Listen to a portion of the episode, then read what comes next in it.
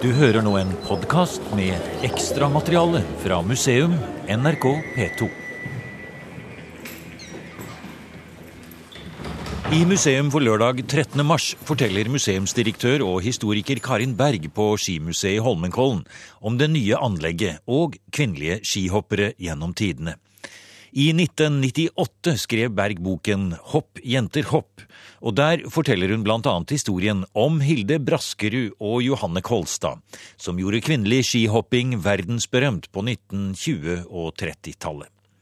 I dette ekstraprogrammet fra museum forteller Karin Berg også om hva som skjedde med Johanne Kolstad da hun kom hjem fra Amerika. Og vi får også høre i sin helhet de få klippene som finnes i NRKs radio- og fjernsynsarkiv, med Johanne Kolstads stemme. Men vi starter i Kollenstua med museumsdirektør Karin Berg. Det var slik at uh, disse to jentene fra Nordre Land Jinten, som du kalte Jinten fra Dokka. Ja. Johanne Kolstad og Hilda Braskerud. De ble da sammen med Nordre Land idrettslag invitert til Midtstubakken. Lyn skulle arrangere eh, jubileumsrenn, og de får lov til å sette utfor. Og de hoppet godt over 40 meter begge to. Eh, og derfor ble de også kalt for 40-meterjentene. Det ble et folkekrav, og det ble store oppslag i aviser. Når får vi se jentene hoppe i selveste Holmenkollbakken? Fikk aldri. Nei, fikk aldri. Og da var det Skiforeningens daværende formann, major Finn Kvale, sier at nei, lar vi jentene få hoppe her i Holmenkollbakken, så vil folk tro at bakken er mindre enn det den er. Bakkens betydning forringes. Vi vil ikke ha noe sirkus her, og vi vil i hvert fall ikke bære kvinnelik ut av bakken. Såpass, ja. Dette er uh, forbundet med tradisjon, identitet, røtter. Det er så grunnleggende. Altså, det var jo Nansen, Fridtjof Nansen som sa at, at skiløping er idrettenes idrett.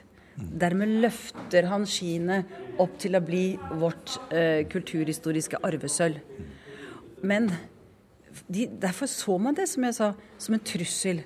Hvis jenter skulle komme inn på denne mannsdominerte arenaen. Var det noe av grunnen til at uh, kvinnelige hoppere kanskje ble mer kjent i USA enn i Norge?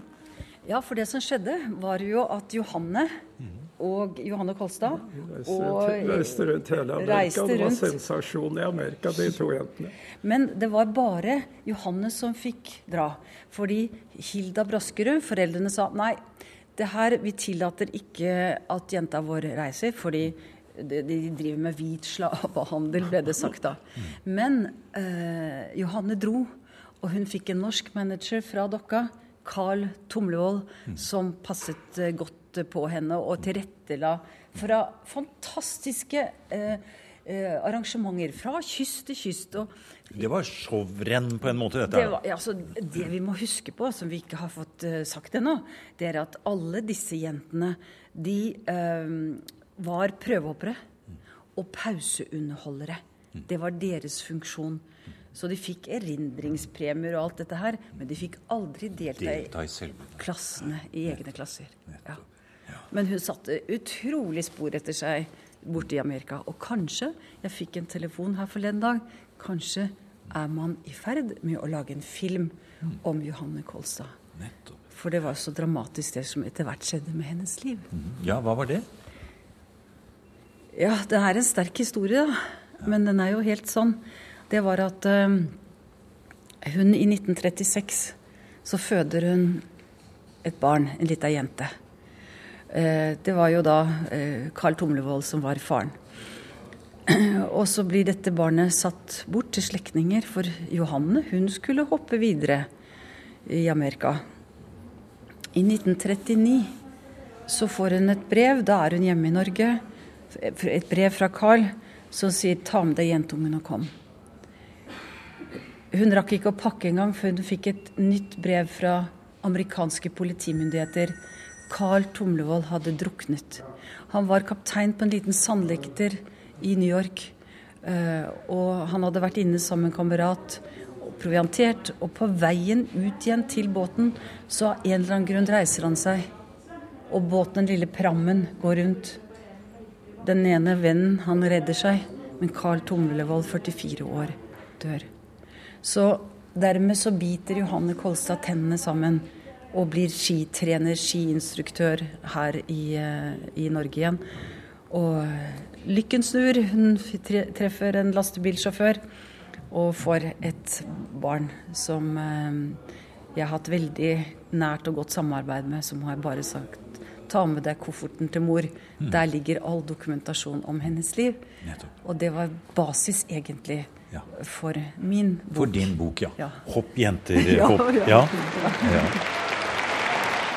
Det er få spor etter Johanne Kolstad i NRKs arkiver, men her er noen sekunder fra 1968. Siden vi nå har sett en som har hoppa, skal jeg få lov å presentere ei jente som virkelig var sprek til å hoppe på ski. Johanne Kolstad. Det er fest for den hjemvendte OL-troppen fra Grenoble i 1968.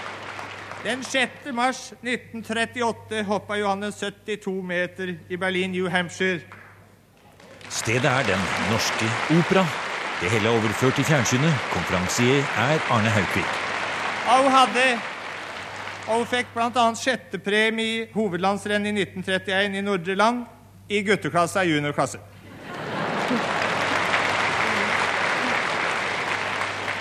Var det fordi at det ikke var langrenn for jenter den gangen at du liker å hoppe, Johanne, eller hvorfor hoppa du? Nei, Det var bare fordi at det var ikke langrenn for jenter den gangen. og Så derfor begynte jeg bare å hoppe. Så var jeg bare mest sammen med guttene, da. Så hadde jeg syntes det var så moro da jeg fikk slått dem i bakken. Så, så var så synd jeg ikke har hatt noe mer konkurranse iblant jentutene, da, som de sier er det riktig å sette guttene på plass litt en gang iblant. En annen ting som vi har lyst til å gi Johanne litt applaus for i dag, er at hun satte seg i spissen før Grenoble-turen nå og samlet inn penger, slik at hun kunne sende en gammel skiveteran som Hans Vinjaringen til Grenoble. Det fortjener hun klapp for.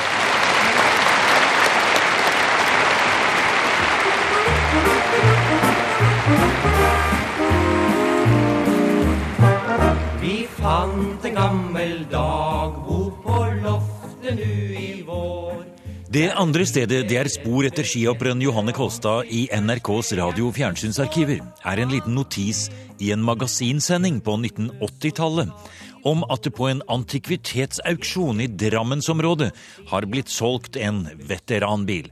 En Chevrolet Sport 1929-modell som en gang har tilhørt skihopperen Johanne Kolstad. Bilen skal hun ha fått som premie etter et renn i Chicago. Men her er vi inne i det tredje og siste klippet om Johanne Kolstad. Lars Jakob Krogh sitter i Lørdagsrevyens studio kvelden før Holmenkolldagen i 1982. Vi har en helt spesiell gjest i sendingen i kveld. Hun heter Johanne Kolstad. Hun har også hoppet på ski, men hun fikk aldri lov til å stille opp i Holmenkollen fordi hun er kvinne. Til gjengjeld så beholdt hun verdensrekorden sin i hopp i over 40 år. Tom Berntsen har laget en reportasje hjemme hos Johanne Kolstad i Vang i Valdres. Ja, Da hoppa jeg 72 meter. Og det var i USA, det? Ja, det var i Amerika. I Berlin, New Hampshire. Og Det var i 30-åra, var det så? Ja, det var i 38. Og så var det ingen som slo den før langt ut i 70-åra? Nei. Hvordan eh, kom du egentlig til USA? Hvordan, eh, hvordan begynte det der? Ja, det begynte på den måten at det var en, en fra Tomlevoll som hadde vært i Amerika i mange år. Så kom han hjem, og så var det han som ordna det.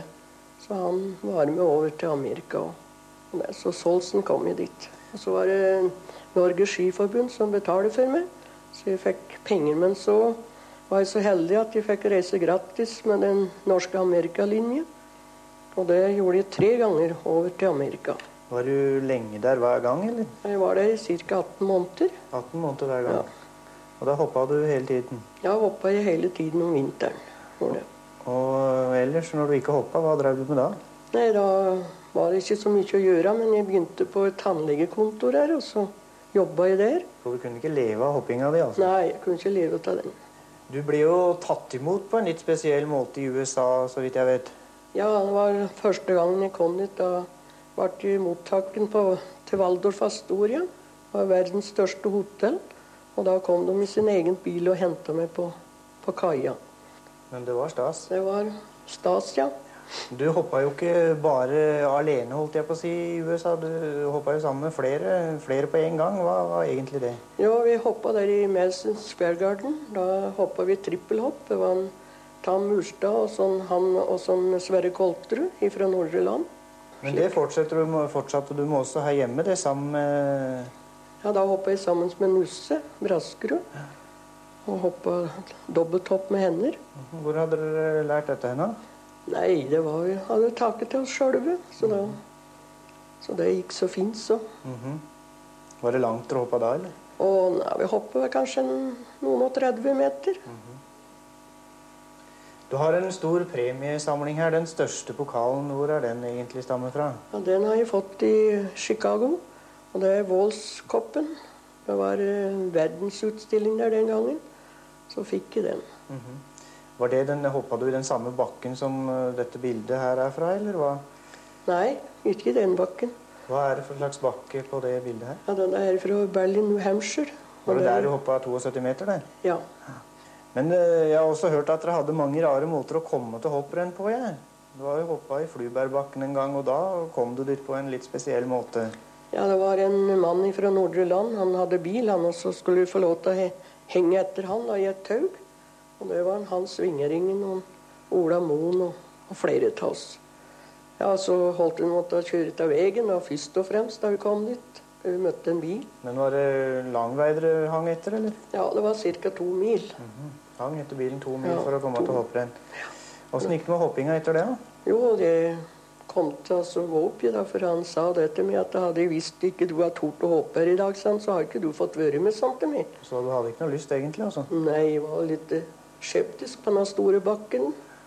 Og så gikk nå opp lell, og så kom jeg nå meg utover. Ja, og da, etter det, så var det gjort? Alt var gjort i orden. Jaha, Og siden ble det flere hopp der? Da ble det hopp alle steder. Jeg har jo hørt at uh, du faktisk har vært sånn opphavet til mote når det gjelder strekkbukser. Var du en av de første som begynte å hoppe med det òg, har jeg hørt? Ja, jeg kan trygt fortelle deg den første Strekkbuksa jeg fikk, det var av mor. Hun sydde ei strekkbukse til skjørtet sitt. Sånn gabardinskjørt. Det var første gang jeg skulle reise til Oslo, det. Til Midtstubakken. Men da vi kom dit, da fikk vi skiklær. Det var altså ikke slik snakk om utstyr den gang Johanne hoppet, og det er vel egentlig tydelig at eh, det har skjedd forandringer når vi ser hoppskiene til Johanne. Solide treplanker på 2,40 meter var det hun reiste verden rundt med. I dag blir skiene sett på med skeptiske blikk fra barn og barnebarn. Ja, Johanne Kolstad, dette her er annet utstyr enn de bruker i VM nå, det. Å ja, det blir stor forskjell. Det er vel ingen som hopper på sånn i Kollen nå. Nei. Men eh, du følger jo godt med. og Hvem er det du håper på nå på søndag? Nei, det er Roger Ruud, det. Du tror han kan ja, komme igjen og gjøre det bra? Vi får nå håpe det.